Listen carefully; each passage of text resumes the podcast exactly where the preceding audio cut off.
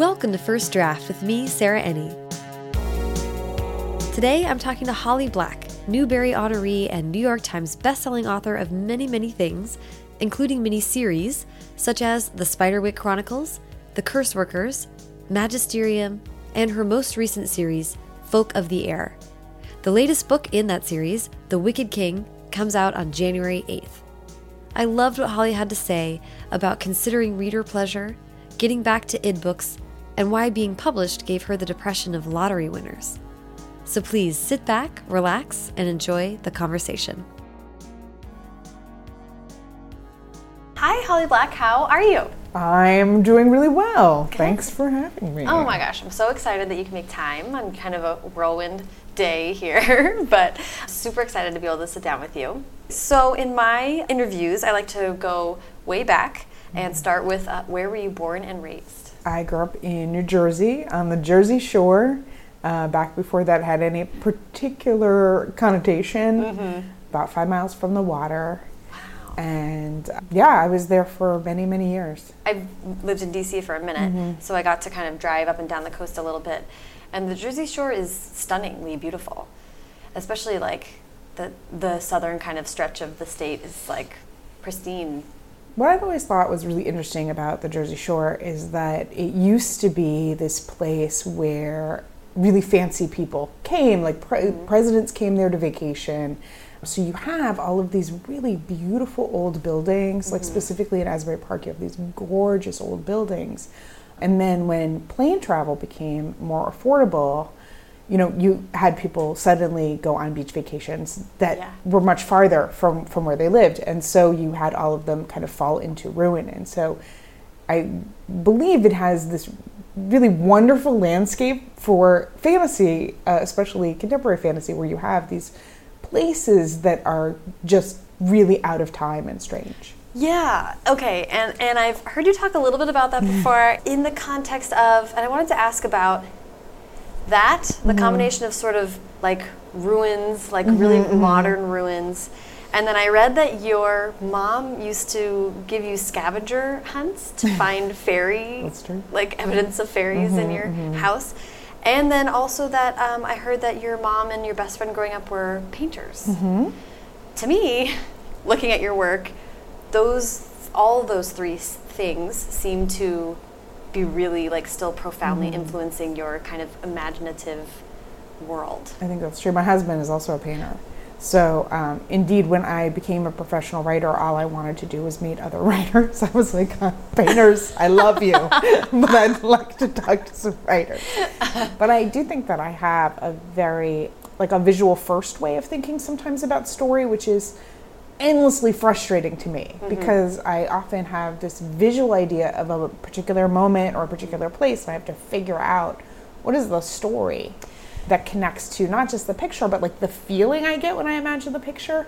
And it's yeah. a, it's a really weird way of plotting. Yeah. Well, and that I think that is what I take from a lot of your writing, and I think that's true for a lot of fantasy writers.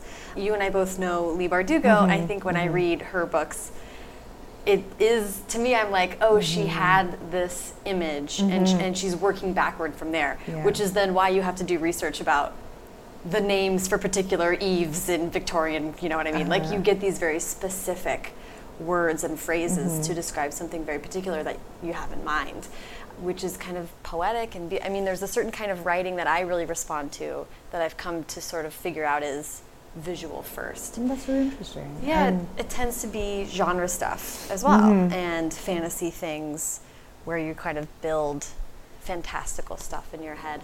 But how you mentioned wanting to find writers.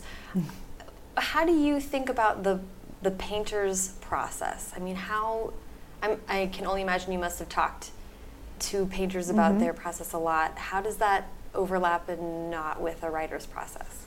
Sure. I mean, also, you know, in my a lot of my early work was with Tony DiTerlizzi, who's a painter. Right. You know, and I was working with on Spiderwick. So, indeed, I've heard a lot of painters talk about their process, and I think that, like writers, you know, everybody approaches it fairly differently. Mm-hmm. You know, some people want have a particular story, like they have, you know, the way that they get to an idea for a piece is through story. Mm-hmm.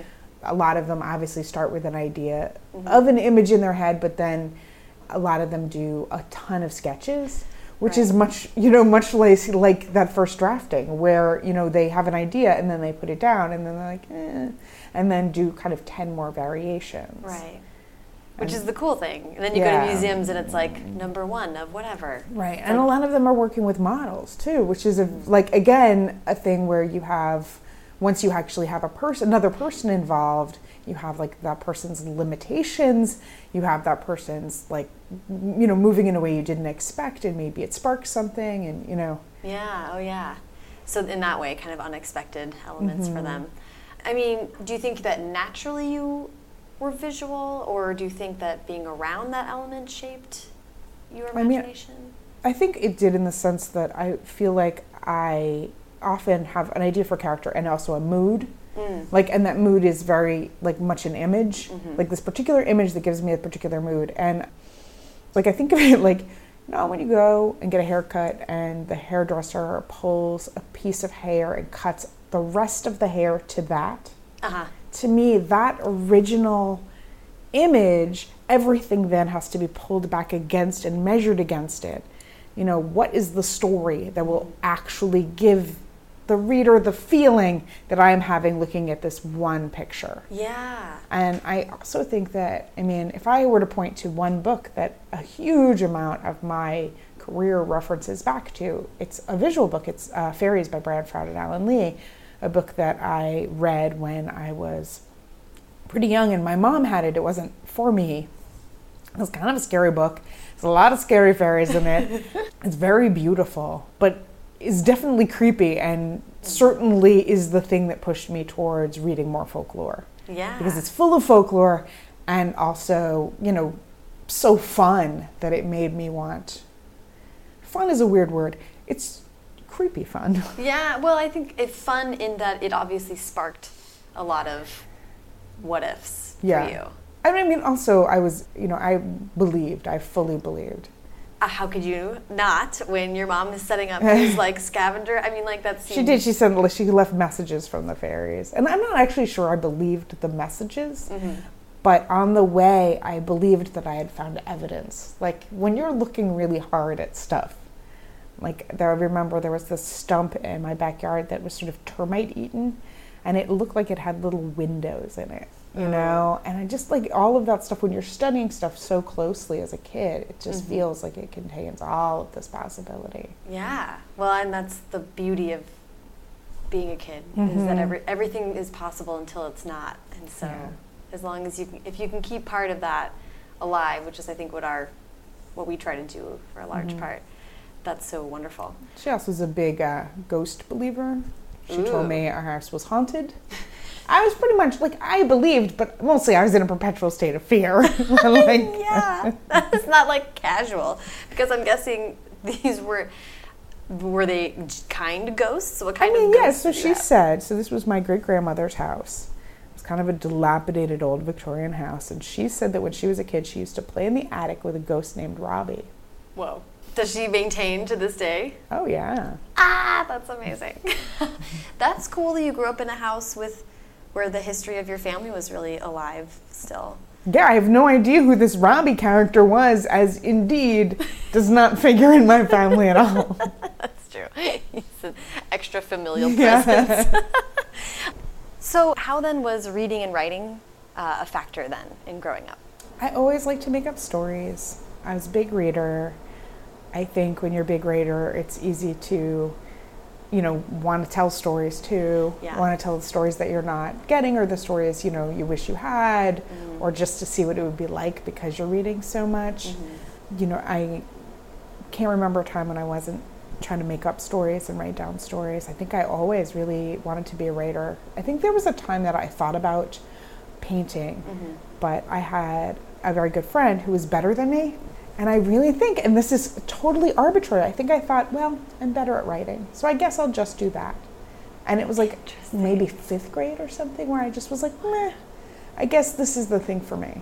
Huh, that's so interesting. But then having made that decision, I just sort of went on with it. And, you know, like I had some other stuff that I thought, you know, maybe I'll be a lawyer. I like to argue with people. But I always wanted to be a writer. And in eighth grade, or I guess seventh or eighth grade, I wrote a terrible novel called Knights of the Silver Sun, which was a pastiche of things that I loved at the time, which were Lord of the Rings and Interview with the Vampire. So That's uh, amazing. It was a very. that's what I wrote, and um, Did it yeah. was it like beginning, middle, end? beginning, middle, end, but very short. Got it. Yeah. You know, like novelette, Yeah, yeah, yeah. novelish. yeah.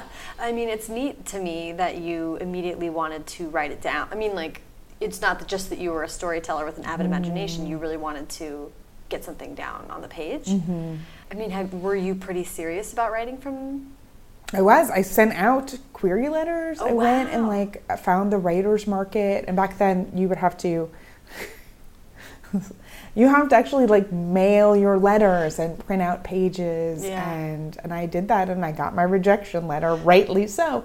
But I, at that time, I mean, I guess I felt a little bit sad about being rejected, but I remember actually feeling pretty happy about the process, about being in the game. You know what I mean? Like feeling like in some ways I was participating in interesting. in you know the process because there's so there was so much about how you had to expect to be rejected and you had to Mm-hmm. and I so I was like that's right I'm you know I'm being rejected as is my you know as is my job I guess you know Right. Well, there's something solid about a getting something in the mail, just like everyone else. Yeah, Doesn't and- matter how old you are. and from you know an agent Yeah. from a publisher you know from yeah That's so funny.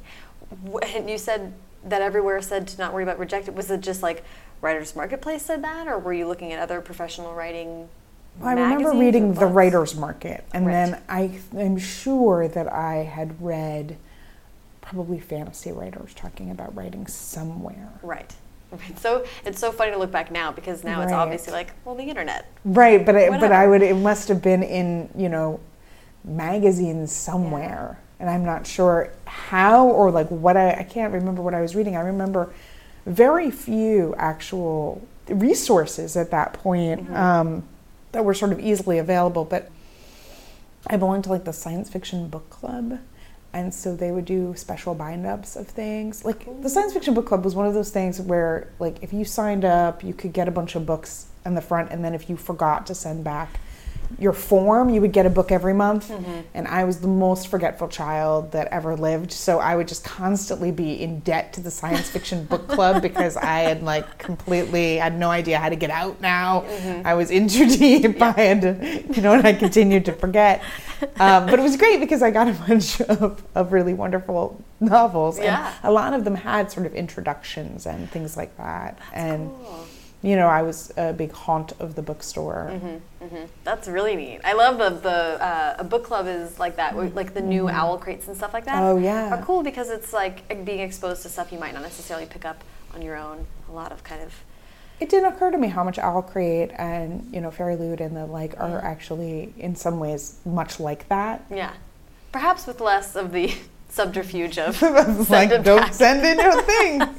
Like, oh no. which I fell for with CDs. That's Oh yeah, that was the other, the other. Uh, like, what am I going to do with another Third Eye Blind album? Yeah. So, as I mentioned, we're going to jump around a little bit. Mm-hmm. But I'd love to have you move me through being this very sort of serious at a young age writer to how did you actually begin to. I think T- Tithe was your Mm-hmm. That first. so how first did book. You get from there to there? Well, it was a long time later that I wrote Tithe, and I, you know, I think there was a time in college where I wasn't really writing. In high school, I wrote a lot of poetry and mm-hmm. not a lot else. Oh, okay. And so I was coming back to writing like long form fiction in my 20s and kind of trying to figure out how to do that. And I had a lot of really bad ideas about writing. Like I had been writing all this poetry and I really wanted to capture the truth of a moment. And to me, that was not narrative. Like it was hard for me to really get behind the idea of plot or understand it. And so a lot of early drafts of Tithe are sort of elves sitting around experiencing ennui in a New Yorker style unending narrative, which is un- unfair to the New Yorker because, in fact, uh, those I was a subscriber and read many, many stories, and they do have plot, but the plot is, you know, in modern fiction often buried. It is not. It is not necessarily going to, you know, be immediately apparent, and to a young fool like me, I think I just really was like, you know, just things happen and then some more things happen. And so I was like, well, what if, you know, these people are summoned on a quest and then they just don't do it? Right. Wouldn't that be fresh and original? It would not, friends. it makes for a terrible book. That is so funny. And so I just had all of these like I don't know. I really didn't understand plot. I understood a bunch of people like how, like like talking, but I don't mm-hmm. think I understood how to get them up off the couch and do anything. And so it took me probably about five years to write that book. Just basically, and everything about it was different by the time it was done. It's interesting to me that you, it seems like you kind of took time away from mm-hmm. writing. I mean, you were always mm-hmm. doing poetry, mm-hmm. but then what, what, why the time away and what brought you back? I think I was in college and I was not necessarily like I didn't necessarily I guess feel like I had the time and I think too my writing changed and there was a moment there was a moment when I went from being the kind of writer who sits down and makes up a story to being the kind of person for whom that no longer worked. And I think it was I think you know as you become a better reader mm. you have a better sense of what sucks mm. and you have a much better sense of you sucking. Right. and I think that there was, you know, I think as happens to a lot of people, I became a much better reader than I was a writer.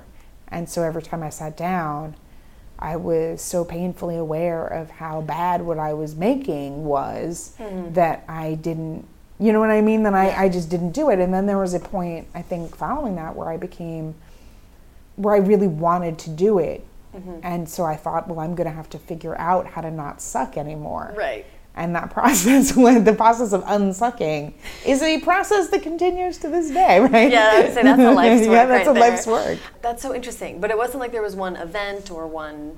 No, I don't think there really was. I think, you know, I think that writing poetry itself was a little bit of a retreat from the bad novels that I had been writing. Right. And probably was useful in terms of thinking about language. Yeah. But probably less useful in that it meant I was generating a lot less stuff. Right. It kind of seems like what you're saying is then your stepped back to narrative was more or less trying to make a novel that felt like a poem.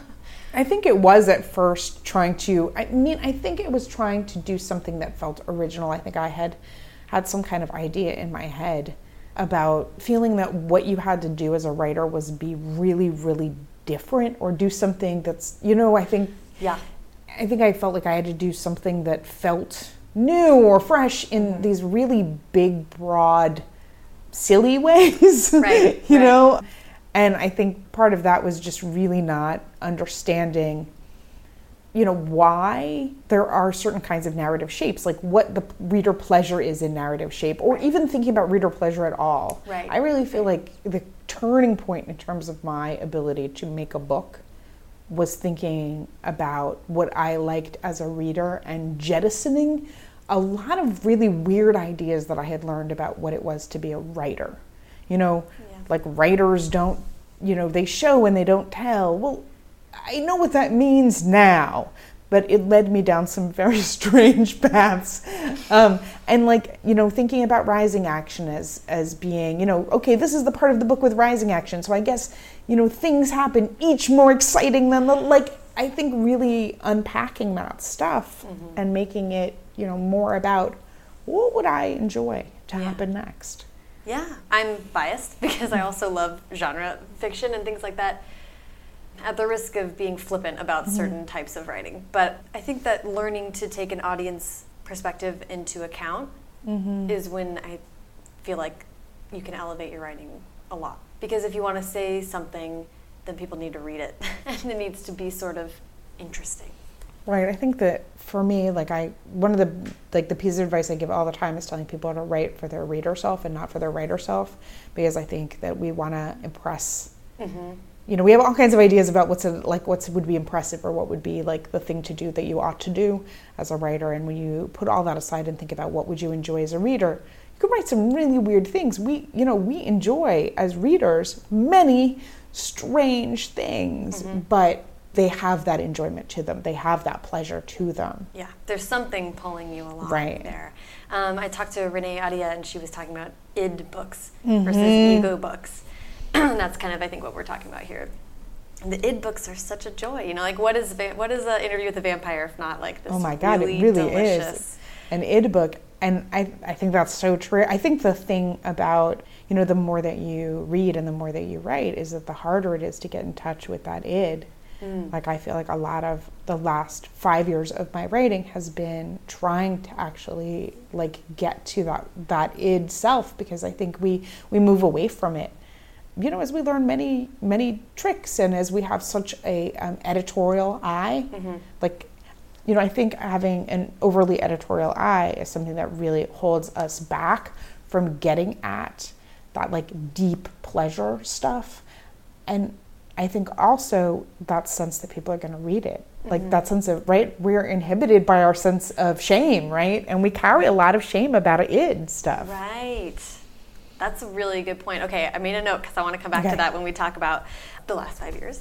But so Tithe was sort of a learning book, it sounds like. Yes.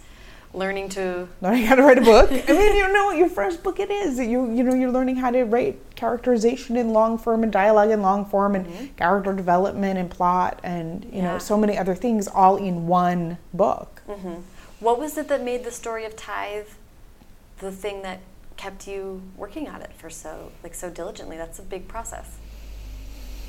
I mean, I think it helped that I always loved fairies. Mm-hmm. I think it was a book about where I lived in a lot of ways. I felt like there were a lot of portrayals of suburbia where you had all of these cookie cutter houses and everybody was the same and i you know grew up in the suburbs and my experience was that it was pretty chaotic and had a lot of really strange spaces and a lot of abandoned spaces mm-hmm. and was not at all cookie cutter and that it also wasn't the kind of middle class that was portrayed, you know, in, in movies and books about the suburbs. And so, you know, I really wanted to write about sort of the people and places that I knew and that I'd grown up with. And I think you've called it suburban fantasy. Suburban fantasy, yes. Which is a term that I really, really love. That's so neat. It's so neat that fairies brought you back to kind of your calling. I mean, did you feel like it was getting back to what you were meant to do? I mean, I think that when I was writing Tithe, I really I didn't know that I would finish the book. Mm. There were definitely points where I was pretty sad about it and pretty in despair over it. You know, I I've often talked about how, you know, I feel like we're told that if we believe we can do something, then we can do it, and I. That, and that's great if you believe you can do it, but I didn't. One thousand percent did not believe I could do it. Did not know. You know, I knew a lot of talented people who had not gone on to, you know, really work in the industries that they were super skilled at. Right. In fact, nobody I knew had really wow. gone on to, you know, work in, like, you know, I knew painters, I knew people who loved to research history, I knew people who were in bands, like, yeah. nobody had, you know, made it right. in, in any, you know, nobody was hanging in a gallery, nobody was doing that stuff. And so, you know, I thought, well, why would it be me? Right. And I tell people a lot, like, look, you don't have to believe it. You just have to do it. Like, like, because I, I sort of, t- like, it seemed like a threat to me when people said, if you believe it, you can do it. Because I thought, well, then I guess I can't do it. Wow. That's such good advice. And that's so useful to hear because I think that's, yeah, like, I mean, what you're saying is sort of the, the reason a lot of people don't immediately jump into saying they want to be a writer is because it's hard to tell your parents that, right? Like, right. I'm going to go get a college education and then take a huge risk on something that few people get to do. Right. And that is a barrier, a mental barrier in a whole bunch of ways. It seemed totally impossible to me that I could be a published writer. It seemed totally impossible. And at some point, though, it started to seem even more impossible that I would finish the book. And I think that's when a turning point took place because I became, at some point, just showed up on a friend's doorstep crying, being like, I will never finish this book because I kept going forward and then seeing what was wrong with it and going back. Mm-hmm. Mm-hmm. And it's possible that I should have just finished a bad draft of it, but I felt like I every time I saw what was wrong, I went back and fixed it. So it was like I would take 10 steps forward, 5 steps back. Right you know, five steps forward, 10 steps back. Right. And at some point, I think I just became more frightened that I would never finish it than I was of like anything else that could possibly happen to it afterward. That is kind of amazing that you you set this bar for yourself in like seventh grade of like I'm going to publish a book, and then it, what it took was like bringing the goalpost way back mm-hmm. home to like being like, just, finish, just please finish this book. Which is amazing. I mean, so so then how did um, like let's just talk about getting tithe actually out in the world and then we can kind of jump around a little bit. So what i was also doing so i had been um, working in medical publishing. I was a production editor of medical journals in new york like the journal of pain surgery and the journal of pain and in my spare time i was like editing a role-playing game magazine called d8 magazine which was cool. uh, which i had i had always been a gamer a d&d player and that's how i met uh, Tony DiTerlizzi, who I was my friend at this time. While I'm, he also probably thought I would never finish Tithe. No one thought I would ever finish this book because I had been writing it for years. Right. And he was working on magic cards and other gaming things, and I had interviewed him, and that's that's how I met him. Got I don't. It. Yeah, I came up when he had moved from Florida to Brooklyn and interviewed him cool. um, for this magazine and uh, we became really good friends. Both our moms are uh, painters. Both of our moms had the book Faeries in their house. Both our moms were like big crafters. We had so much of the same upbringing in terms of the things we were exposed to, mm-hmm. and so a lot to talk about. And he had sold his first book to uh, Simon Schuster to an editor there named Kevin Lewis. And when I finished Tithe, a friend of mine said, I think this could be a young adult novel. And I was like, what? Because I had been thinking of it as an adult novel. Right. And she was like, well, young adult is really different. And she put Sabriel, Garth Nix's Sabriel, in my hands. And she gave me some Tamora Pierce books and sort of sent me home. And I was like, well, I guess maybe it could be. These are amazing and certainly would be great to be working in this field, but I don't know if you've noticed, there's a lot of cursing in this book. Um, and so Tony offered to give it to Kevin, who I know a little bit, and Kevin wound up acquiring it. And that's how I sold the book, sort of in this, you know, I had been prepared to go out with it and to do all these different mm-hmm. things with it, and it wound up sort of, you know, at Simon Schuster. That's so cool. Um, with Kevin. Through a friend, which is yeah, a really lovely, trusting kind of way for that to happen. Like someone you know. I don't know. It's always nice when people it was really nice. I mean, it was a very different time in publishing. People did send things uh, in children's publishing. Like it was just much much smaller field, and you you could send stuff to editors unagented. Mm-hmm. In a way that today, very few circumstances under which that's like a thing that happens. Right. right. And yeah, I mean, I remember uh, being at my first SCBWI conference. It was right after Tithe came out and right before Spiderwick came out, and people were being told to network wherever they could. And so I was in line for the bathroom, and a woman turned around to me and she said, What do you write? And I said, Oh, young adult. And she turned away to talk to somebody else because picture books were all anyone, like, that was what people wanted to wow. talk about. Picture books were the thing everybody was really interested in, and young adult was like this weird, small part of children's publishing that people were just way less interested in until it had this enormous boom. That is so funny. No knockout picture books, but that's just kind of no, no. It was just it was the time. it was like you know.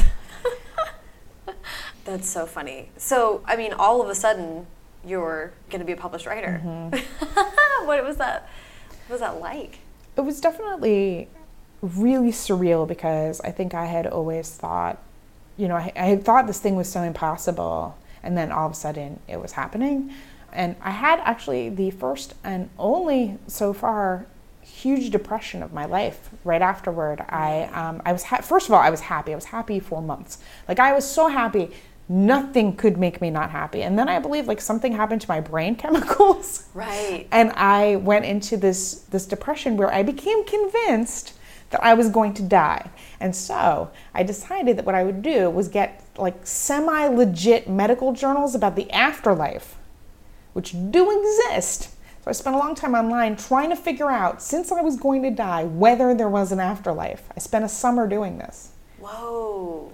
Was super weird. That's intense. And afterward, I, you know, many years later, I was actually talking to Cassie Clare, and she was like, oh, yeah, that's a thing that happens to lottery winners that you like you actually do mess up your brain chemicals with being so happy but also i believe that um, i thought like for so long the end point was selling a book right. and so my brain was like well nothing else for you yeah, like it was like you don't have any. Like, what do you do after that? I guess you die because that was your only goal. Right. That was all you had. And then to have something that you're forever working on. I mean, there is like a.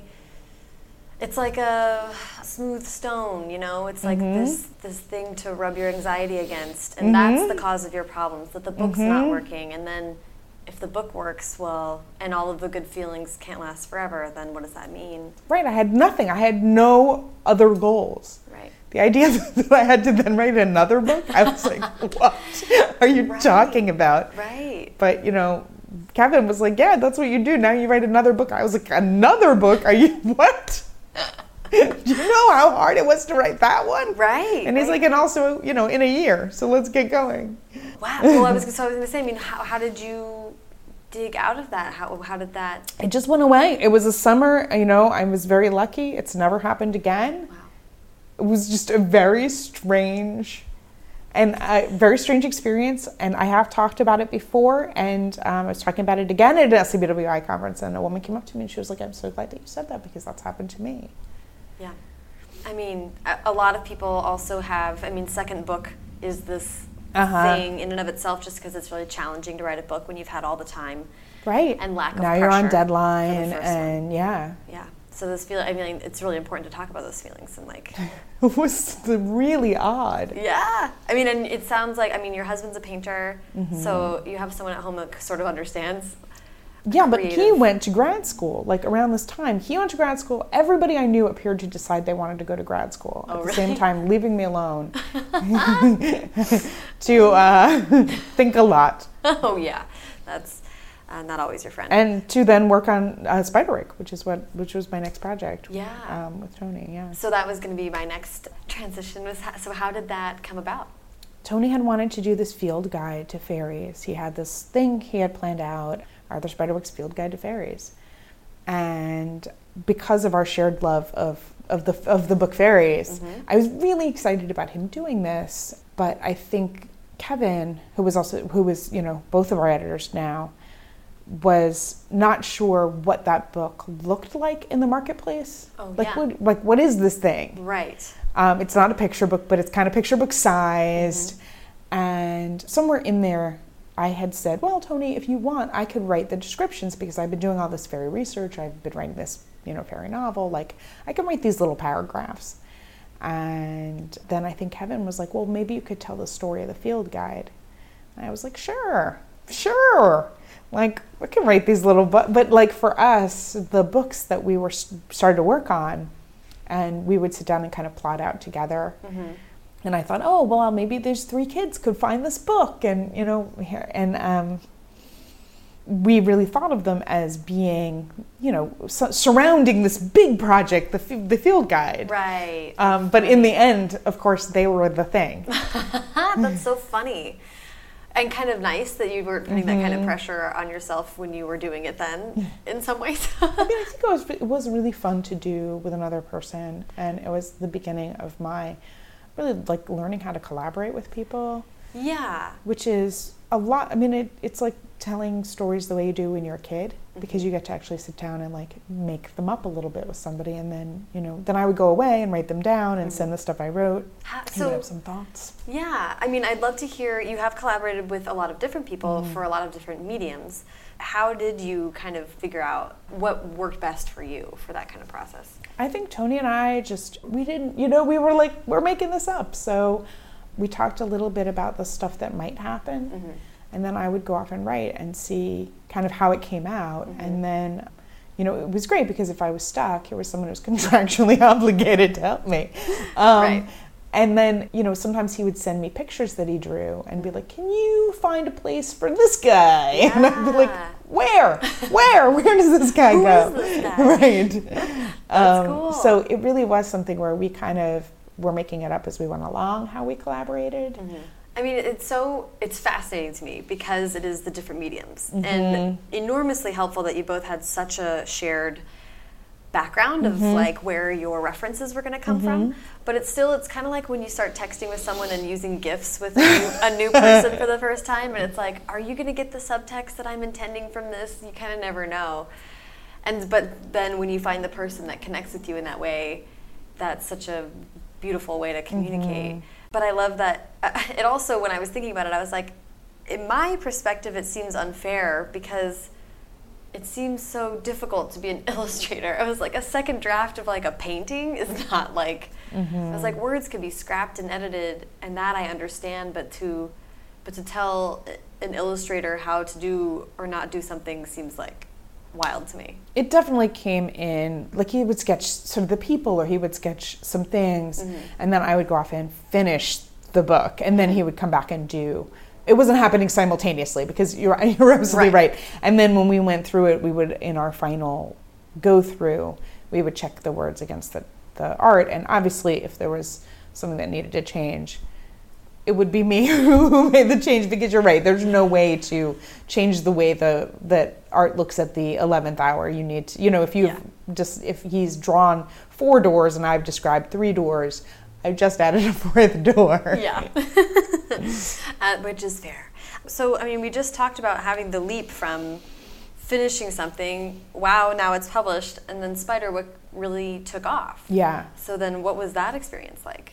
I mean it was definitely um, a surprise huge like a huge huge surprise to me i think i had always thought of the things i liked as being a little out there mm-hmm. and being left of center and so the idea that we made this thing that people that a lot of people liked mm-hmm. was a big surprise and a really i think good lesson that the really specific stuff we love actually can be kind of universal. Mm-hmm. The more, I mean, that's. It like, was a big change for me to be like, oh, you think you're left of center, but you're not. Like you're, you know what I mean? You love stuff like that many people love, and if you mine the things you love, there'll be people who will be there for it. There's an audience for it, yeah. Mm-hmm. Like we are, none of us are created in a vacuum. Right. It's kind of a, a thing that's, in some ways, it can be like an ego knock, you know, right? Like, oh, I thought I was the only one interested in this stuff, and then you're like, mm-hmm. no, it's like. Then you see a con, and you're like, right. oh, got it. No, there's like millions of nerds uh-huh. in the uh-huh. world, or whatever. But it's so lovely to know. I mean, that's the uh, adage in comedy, right? Is the mm-hmm. specific is the way to get to the most people. yeah, it's a little counterintuitive, but yeah, I think that's what that experience really.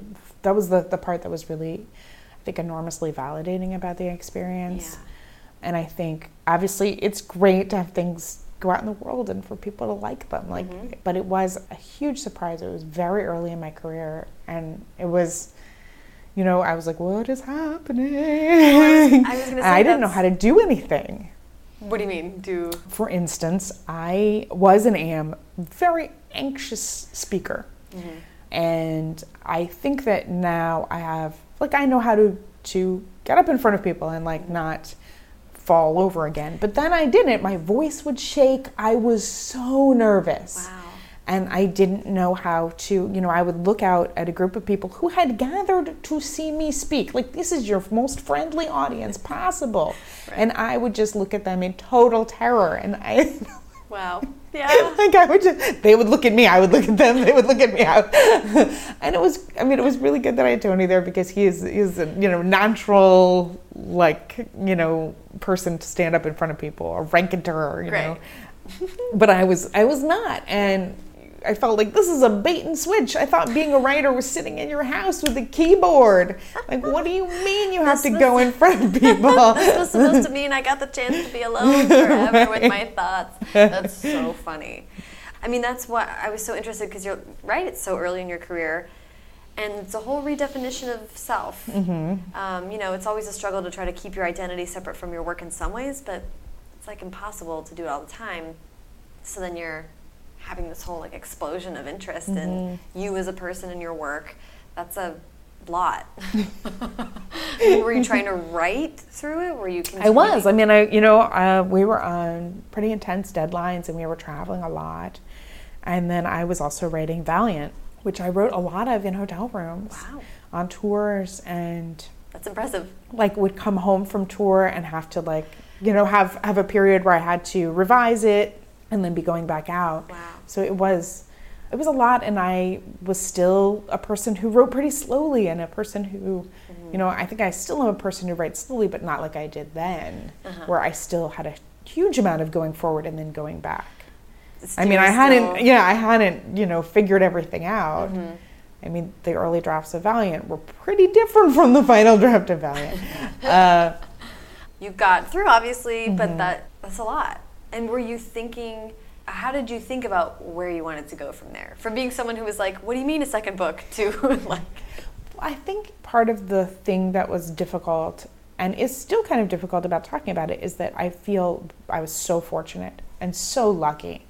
And so, yeah, there were things about it that were difficult, but I was so lucky to be in that position. And I had such an awareness of how incredibly lucky I was to be in that mm-hmm. position that it was really hard to not just be like, well, then I'm going to make it work. I'm going to, whatever it takes, I'm going to make it work. Mm-hmm. And I think it was helpful for me in some ways because I think that I could have dawdled a long time if anybody Right. had given me the option to dawdle. And so the fact that I was working all the time meant I had to keep going and I had Right. to make it happen because somebody else wanted it. Mm-hmm. And I think I was way more willing to do it for somebody else and according to their deadlines than I ever would have been if I had, you know, been assigning myself deadlines. yeah self deadlines are not um, particularly useful for me either. That doesn't work out so well. Well you sort of broached one of my next topics was i wrote productive af um, because you have had i mean gosh how many years is that? Tithe came out in 2002, Spiderwick in 2003 so started, and then yeah. Yeah, I mean that's not truly that long of a period of time. It's like what 15ish years that you've been publishing books. You have an enormous number of books and projects out. I would say that you're very productive. That's very kind of you to say because I'm not. I feel like I'm not because I'm not somebody who gets a lot of words in a day, mm. and that is a continual source of frustration to me. You know, I have friends who are able to do three, four thousand words in a day. I mean, Kiersten White writes on her Twitter about like her, you know, ten thousand word days, and I think I will never know what that feels like. No. And it is like it is something. It is a source where I think like it's like she's doing magic. I cannot understand what's happening, and Yeah. so I never feel productive because I know that you know my like I got you know two thousand words today, like a thing that I've probably done ten to twenty days ever. like you know Yeah. is something that is not that many words for a lot of people. But I do think that comparing oneself to Kiersten White on a product productivity, I know. that way lies madness. That way lies madness. but but point taken. However, that's sort of a good thing to keep in mind too. That it's really just sort of consistency, and if that's the right amount of words that happen in a day, uh, I think it's better to be consistent over time than to like try to force yourself to have three thousand words in one sitting. I hope that there's a time that I figure out how to do that, if only because I'm really interested in what it's like.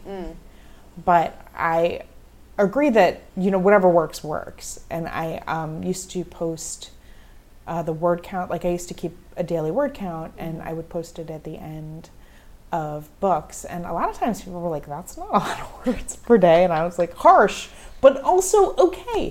sure, it's not. You could do that. Right. Like anybody could do this. It's not that many words a day. Right. I mean, it doesn't all have to be like nano, right? Right.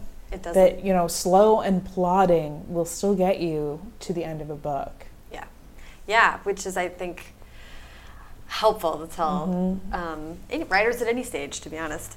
And okay, let's talk about Cruel Prince, and then I kind of have some sort of questions that are a little bit like broader about Yeah, yeah. like your kind of body of work, if you will. But so I- it's almost like yada yada yada Cruel Prince. Like we're we're, No, skip- no, no, we're skipping over a lot of your work. I just want to acknowledge that, which I would love to talk about, but I do want, really want to talk about Cruel Prince, uh, which just came out. Super exciting. Before we get too far into it, though, do you want to just give us the pitch for the book? Okay, so The Cruel Prince is a story of a girl named Jude. She grew up in the human world until she was, I think, seven. It's sad that I don't actually have the cannot call this to mind, but she was about seven. Um, she's a twin sister, and then a slightly older sister who has cat eyes and sort of lightly furred ears, which is, I guess, a little weird. But you know, when you grow up with something, it's not that weird. So one day, guy comes to the door. He has kind of weird, sharp teeth, slight green tint to his skin. Is looking for her mom. Is real mad about something. winds up having an argument with mom, in which it becomes clear that he believes himself to be her husband, and he believes Vivi, Jude's older sister, to be his daughter and his heir, who was stolen from him. And their father is a bladesmith, like a modern day bladesmith who like hangs out with his bladesmith buds and talks about like material cultures and stuff. And so he has a forge out back and he comes in with a sword, which is not weird, but it's weird that he's holding it like it's a sword. Hmm. And has a fight with this guy. Guy kills him, kills mom, and then looks around at these three girls and is like, huh, perhaps I acted a little in haste. Uh oh. And takes back Vivi to be his heir and takes back these two human girls because uh, they're his wife's kids, so I guess they're his problem. Mm-hmm and they grow up in fairy in this sort of reverse changeling situation. And now, as they are teenagers in fairy, they're trying to figure out what is their place here. Uh, where do they fit in? And Jude gets drawn into a world of politics and very bad princes. and, and cruel princes, as it were.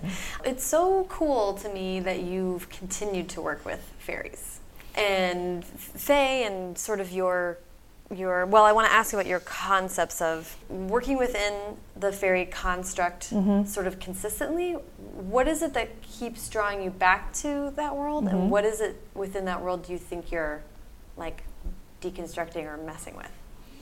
I think that a couple of things that i love about fairy um, one is that it is not one kind of supernatural creature but a ecosystem of supernatural creatures. You have kelpies and you know the gentry and you have the nixies and pixies and sprites and you know you have tree folk and you have all of these different kinds of creatures. Mm-hmm.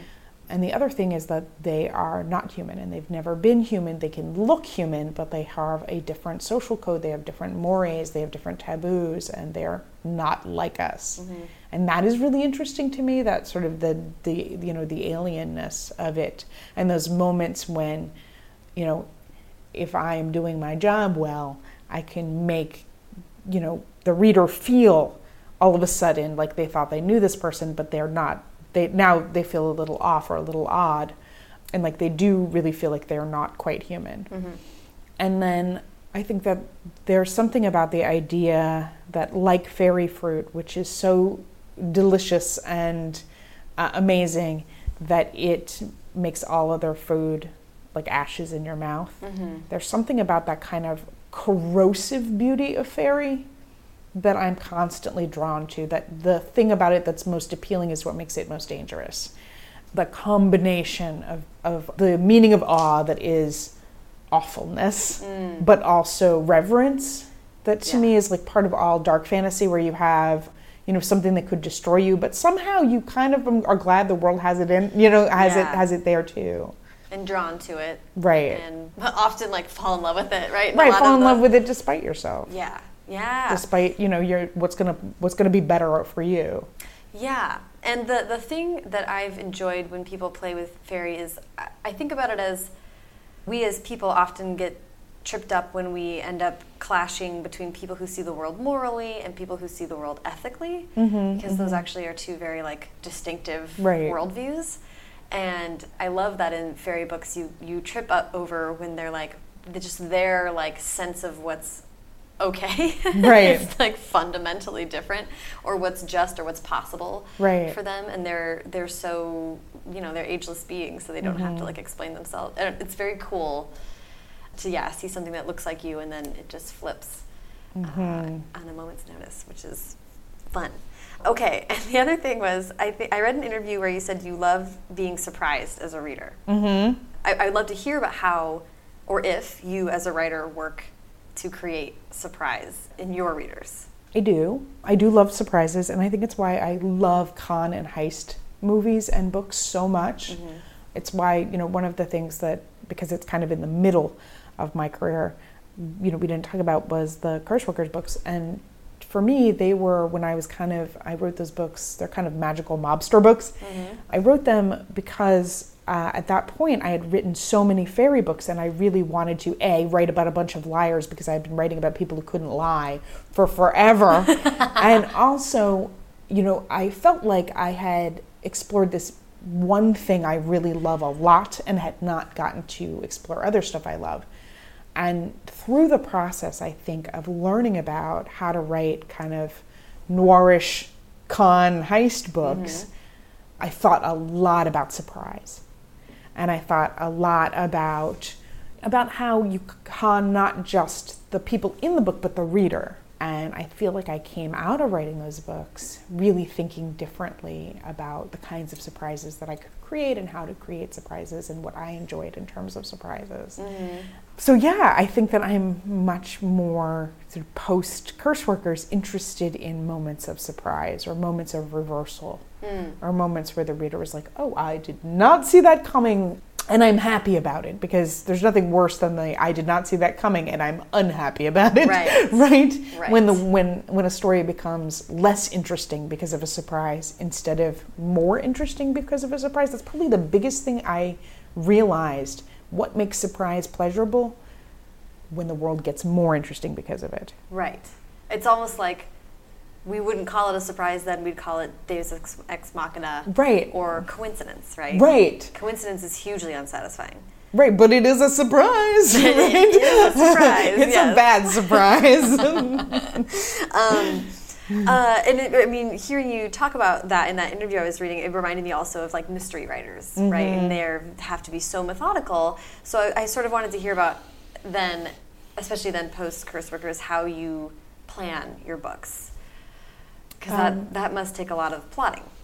Well, one thing I realized, and this when I say it is going to sound so straightforward, but it actually has turned out to be hugely helpful, is to think about surprises as happening like as there being two surprises, because readers are looking for a turn. They're always waiting for you to do something right to, to, yeah. to do so you're gonna you're going to do something to them right. and so they're you know looking out for themselves and trying to look ahead and right. anticipate what that might be right and so um, you always follow one surprise with another surprise because they're not going to get the second surprise then. They're not going to be able to like they will be looking they will be looking at the first one. It's like a magic trick, right? right. You have to misdirect by by kind of dangling this one thing over here, which mm-hmm. you're going to pay out, but then you're going to do this other thing over here that they won't have seen because they will have be busy looking at the number, the first thing. Mm-hmm that is easier said than done. I'm like, yeah, that's what. Because it sounds really straightforward, and it is in some ways really straightforward, but it's a pretty good structural trick. Yeah, yeah, that's huge. Were you always, I, well, this is kind of just asking about whether you always planned out this much or now do you really structure everything before you dive in? How do you think about you would think that i structure things before i dive in. I do try. I really do. I make grids i make plans i make charts. I don't stick to my outlines. I'm terrible at sticking to my outlines. I don't know why. Partway through i just realize it's wrong. It feels like when you're like a muscle in your arm is sort of out of uh-huh. place uh-huh. and you have to move it like it feels wrong mm-hmm. and it's the like most frustrating thing about the way I plot is that when I'm actually writing it just feels wrong and when it feels wrong I can't go forward it just I can't so and so I go back that. I still do it and That's um interesting. I can't less than I did in the sense that when it feels wrong I just I stop and sort of re-figure out where I'm going mm-hmm. and so I'm not going back as much mm-hmm. usually but um, our habits are our habits. Right? It's still it's still true that I often know a lot of a book, but then there's other pieces that are just wrong. I've had, and I think it was Dhonielle Clayton who talked about this, and I mm-hmm. found it to be mm-hmm. true recently for me. Is mm-hmm. I sort of write one third, and then I'm like, uh, and I rewrite a third, yeah. and get to about two thirds, and then and then rewrite. Oh God, that is me all over. Yeah. It's, but then I feel like knowing it or thinking about it, I'm like, if I know that then the next one will get me that much farther, it's worth doing. You know what I mean? Like it seems like reassuring to be like, well, if this is a path, then the thing I've been trying recently, which is too soon for me to really tell whether it's gonna work or not. I've been trying uh, fast drafting where I have um, an Alpha Smart, and but I assume I could do this without an Alpha Smart or something. But the Alpha Smart's great. Um, it's you can only see a few lines of text, so I can't fiddle with sentences, and so you have to go forward. Oh, um, I and I've I know a bunch of people who uh, swear by them. Yeah, like I have one here. I can because I'm going to writing retreat after this, so I could show it to you. But it, you know, the idea of fast drafting and writing something that you know is bad mm-hmm. as almost a sketch. Is mm-hmm. interesting in terms of like not having to write the whole thing really nicely and then right. realize it's wrong. Right. But then it's so messy. It is so messy and so horrible. Yeah. But it's kind of interesting to try. Yeah. It's the thing I'm experimenting with right now. And I have to say, like the last time I've been working on not the sequel to Cruel Prince, but the actual the third book. I finished the second book. Oh. I'm done with Wicked King. I'm working on Queen of Nothing. And boy, is it the most going back I've ever done in the longest time. I was like, why am I writing this book like it's Valiant? Like, what is wrong with wow. me? So you're like. So I'm like, I got to do something. I got, like, I got to stop. uh, well, this sort of like ties into the question I wanted to make sure we came back to. Was, mm-hmm. was earlier you said the last five years or so have been trying to get some more id mm-hmm. into your work. Mm-hmm. So what? Just like, tell me what you, what what does that mean to you, and how have you been trying to get that feeling? I've been thinking. I've just been way more conscious of trying to figure out ways to turn off my inner editor, who I think gets in the way of me getting to what I love about a scene, what I love about a dynamic, what is really inspiring to me, and what is one of those deep reader pleasures where you're like, yes, this weird thing is the thing I am into. Mm-hmm. Like letting yourself like go there and write that stuff and not worrying about what first of all what winds up in a final book which is nothing to do with getting to that right get to right. that stuff and find out maybe it's not going to work maybe it's too weird maybe it's too out there but if i'm not even going to let myself get to it i'm never going to find out mm-hmm. and so like figuring out ways to turn off that editor and really go after the stuff that as a reader you're attracted to you know I think sometimes there's a part of us that says too weird, too much. Mm-hmm. You know?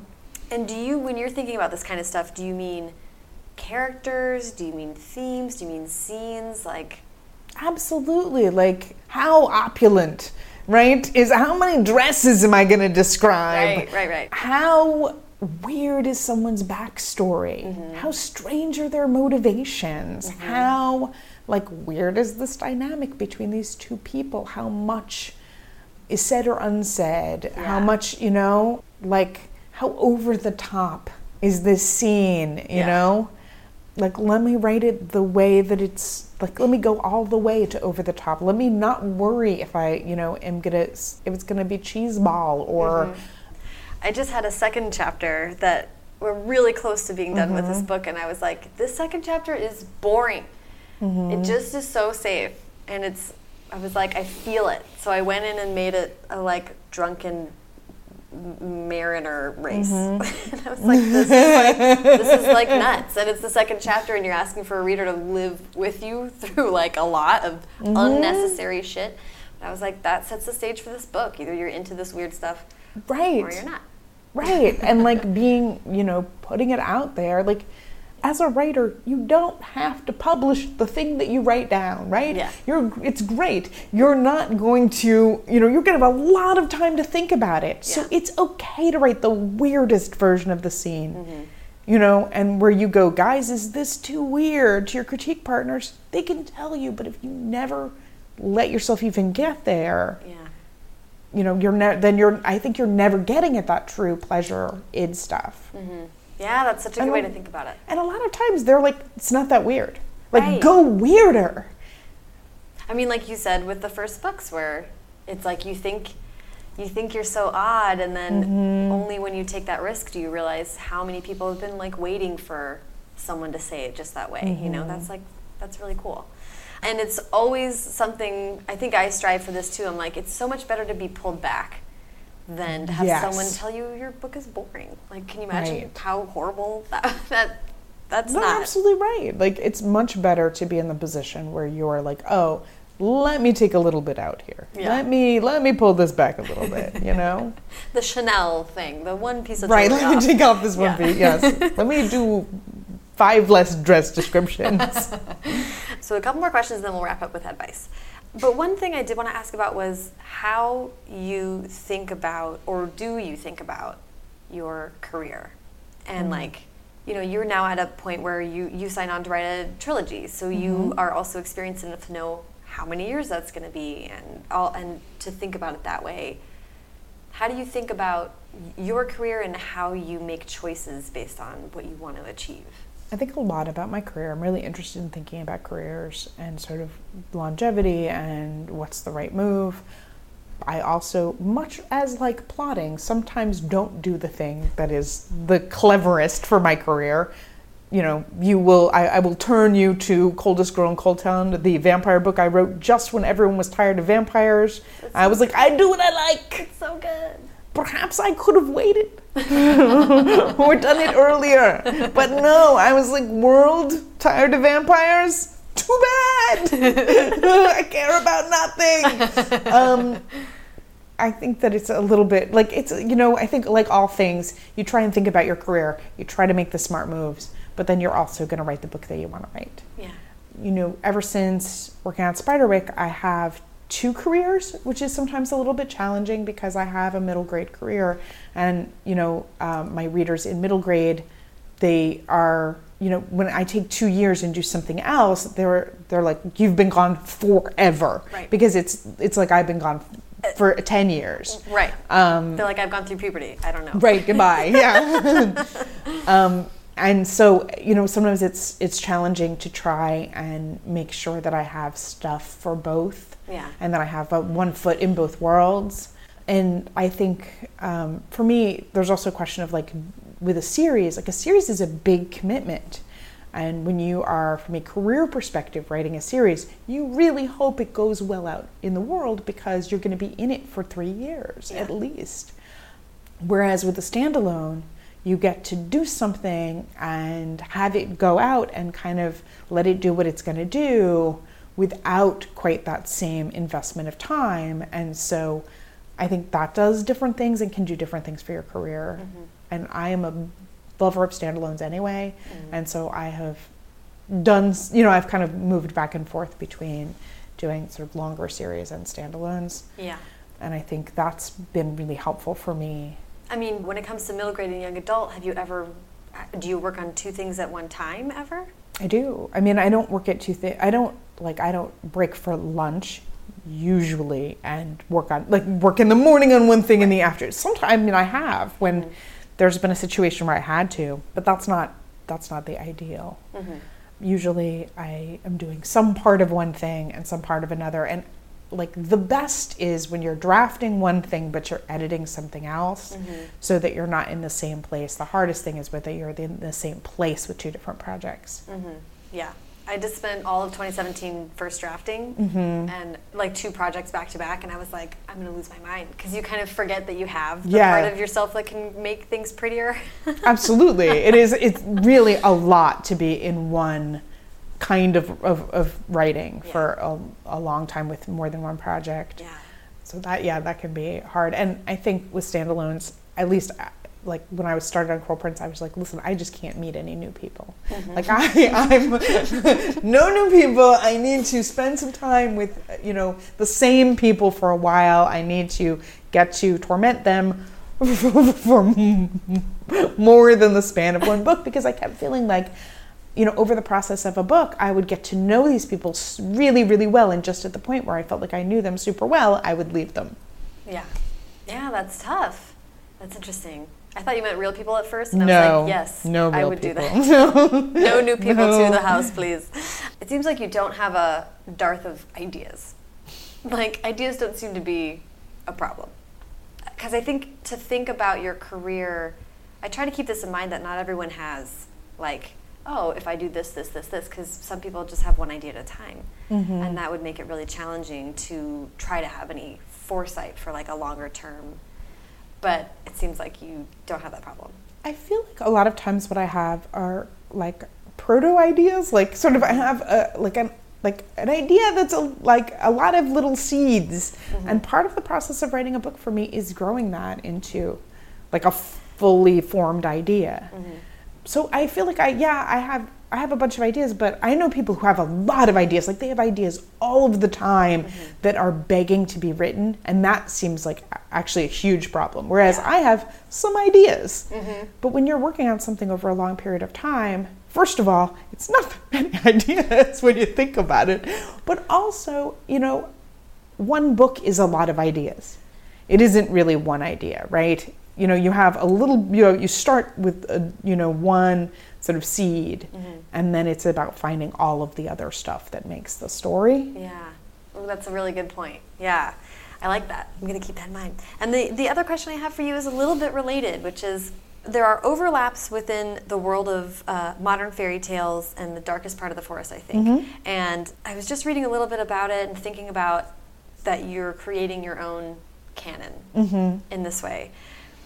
I have a hard time explaining where I'm coming from with this, but I'm just obsessed with cr- people creating their own canon, like the mm-hmm. Stephen King type of mm-hmm. determining a whole world that is sort of like a like a garden of your imagination, and then like letting people into it. There's something mm-hmm. about that concept that I'm just so mm-hmm. fascinated by. So I, I would just love to hear you talk about do you think about that? Do you want to grow this like second world that you keep dipping back into? I do. I would like to try to come up with slightly more more formalized way of accessing it, I think, mm-hmm. at some point. I think the thing that I've always been interested in is stories that seem unrelated until you realize they are related.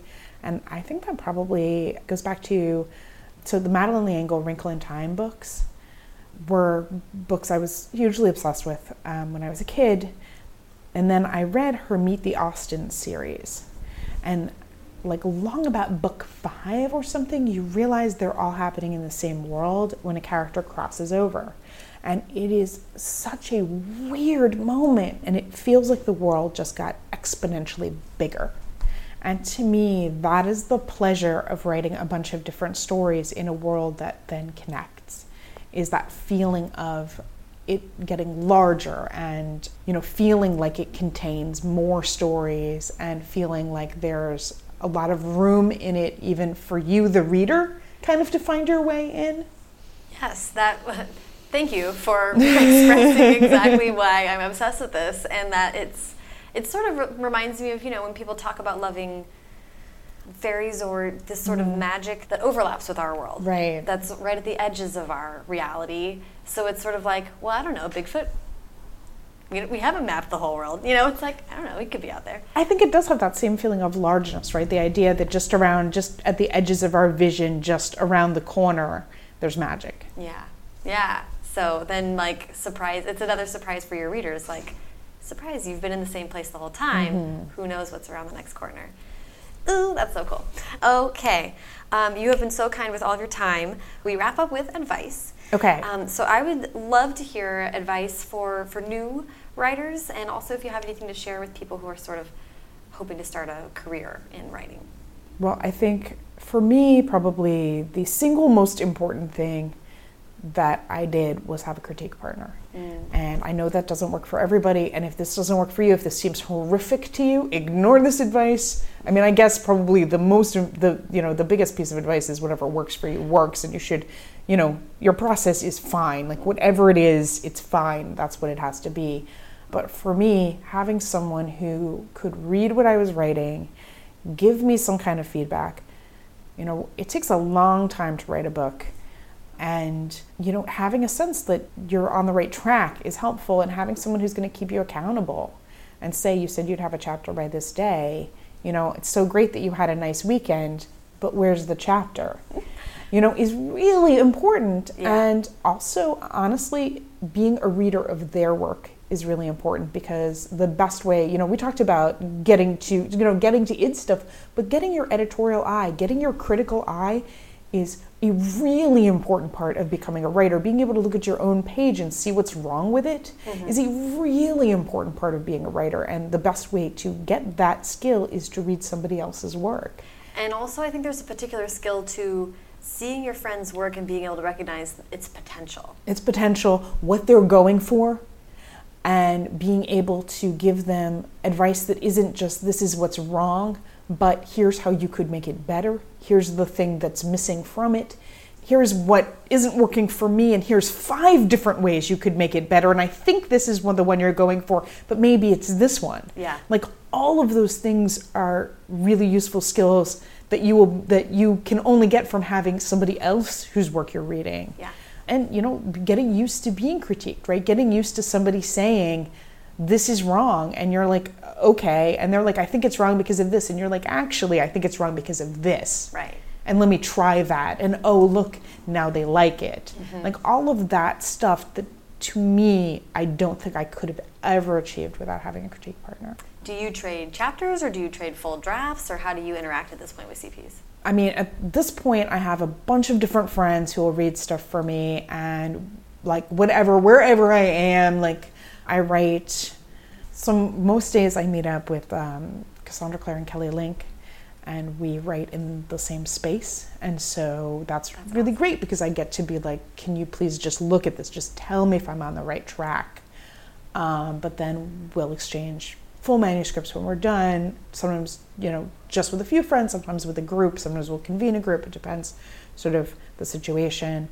I've sat down to talk out stories because it engages a different part of your brain. You can, you know, convene a group of your friends and be like, okay, I'm going to try and tell you this story, and then I'll tell you the part I don't know. Yeah. And you help me figure out what it is. And I think sometimes we worry that that will mean somebody else is telling us our story, but it's not true because I promise you this is what's going to happen.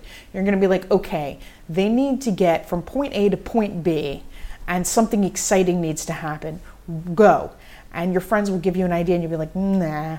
And they'll give you a different idea, and you'll be like, no, not that. How do you know? It's because somebody's going to say something. You're going to be like, okay, kind of like that, but different. Okay, now I know what it is because you really do have an idea of the thing you want. Yeah. And it will be your story because you will, like, when it's the right thing, you'll know. I'm so happy to hear you say it and in that way because I think that's, I hear people get so worried that, you know, other, other people are writing a book just like theirs. Oh my God, there's always a book just like yours. Also, when you sell your book and your book is coming out, there is always that book it's always Dante's Peak and Volcano. Like there is never not going to be a time there's a book that's coming out that's like yours, and it's almost never actually like yours. But you will feel like it is your your your rival book right. in that moment. There is no book that has ever come out in the history of ever for which there is not that book. No, which is great, and also like lean into this kid, but then also there is never going to be a book that's your book. No, because you can't replicate it, human beings. You just are your particular makeup of ideas, and that's what your book's going to be. Right. People ask me a lot about like, well, how do I write about fairies and make it feel fresh? And the thing is, what makes it fresh is you. What you bring to it, your story. That is what makes it fresh. Yeah, yeah. Which you can sort of I think I, I would just like, I'm like, I want to tell people to trust themselves a little more. Mm-hmm. Believe that you're a human in the world who has ideas. Right. There's been a lot of fairy stories. There's been a lot of magic school stories, right? There's been a lot of, you know, heist stories. Heist stories, taking the crown stories, all yeah. of these stories, and you are in conversation with them. You are, the conversation continues you know it's gone down through many many generations of stories and now it has come to you and is your turn to add to the conversation to figure out what is the part i want to add. Yeah and there's no wrong way to do that. Yay! Oh this has been so delightful. Thank you so much for taking the time. Oh thank you for having this has really been really fun for me. Thank you so much to holly. Follow her on twitter at holly black and at black holly on instagram. Follow me in both places at sarah enni and the show at First Draft Pod. And if you are as excited about The Wicked King as I am, you should go to hypable.com today to check out Holly's tour schedule to promote the book. There are links to everything Holly and I talked about in this episode in the show notes. Those are at firstdraftpod.com. And while you're at the website, you can sign up for my newsletter, which is a great thing to do if you want to stay up to date on everything happening around the release of my debut novel, Tell Me Everything which is going to come out with Scholastic on February 26th. Uh, don't miss any events or giveaways or special podcasts in the lead up to that book coming out. Uh, just have all that info sent right to your inbox with a newsletter. Easy peasy. If you like what you heard today, please subscribe to the podcast on Apple Podcasts or the app of your choice and leave a rating or review on iTunes. It helps other people find the podcast and it might give you supernatural powers. Haley Hirschman produced this episode. The theme music is by Hash Brown, and the logo was designed by Colin Keith. Thanks to super intern Carter Elwood and transcriptionist at large Julie Anderson. And as ever, thanks to you, Secret Fairies, for listening.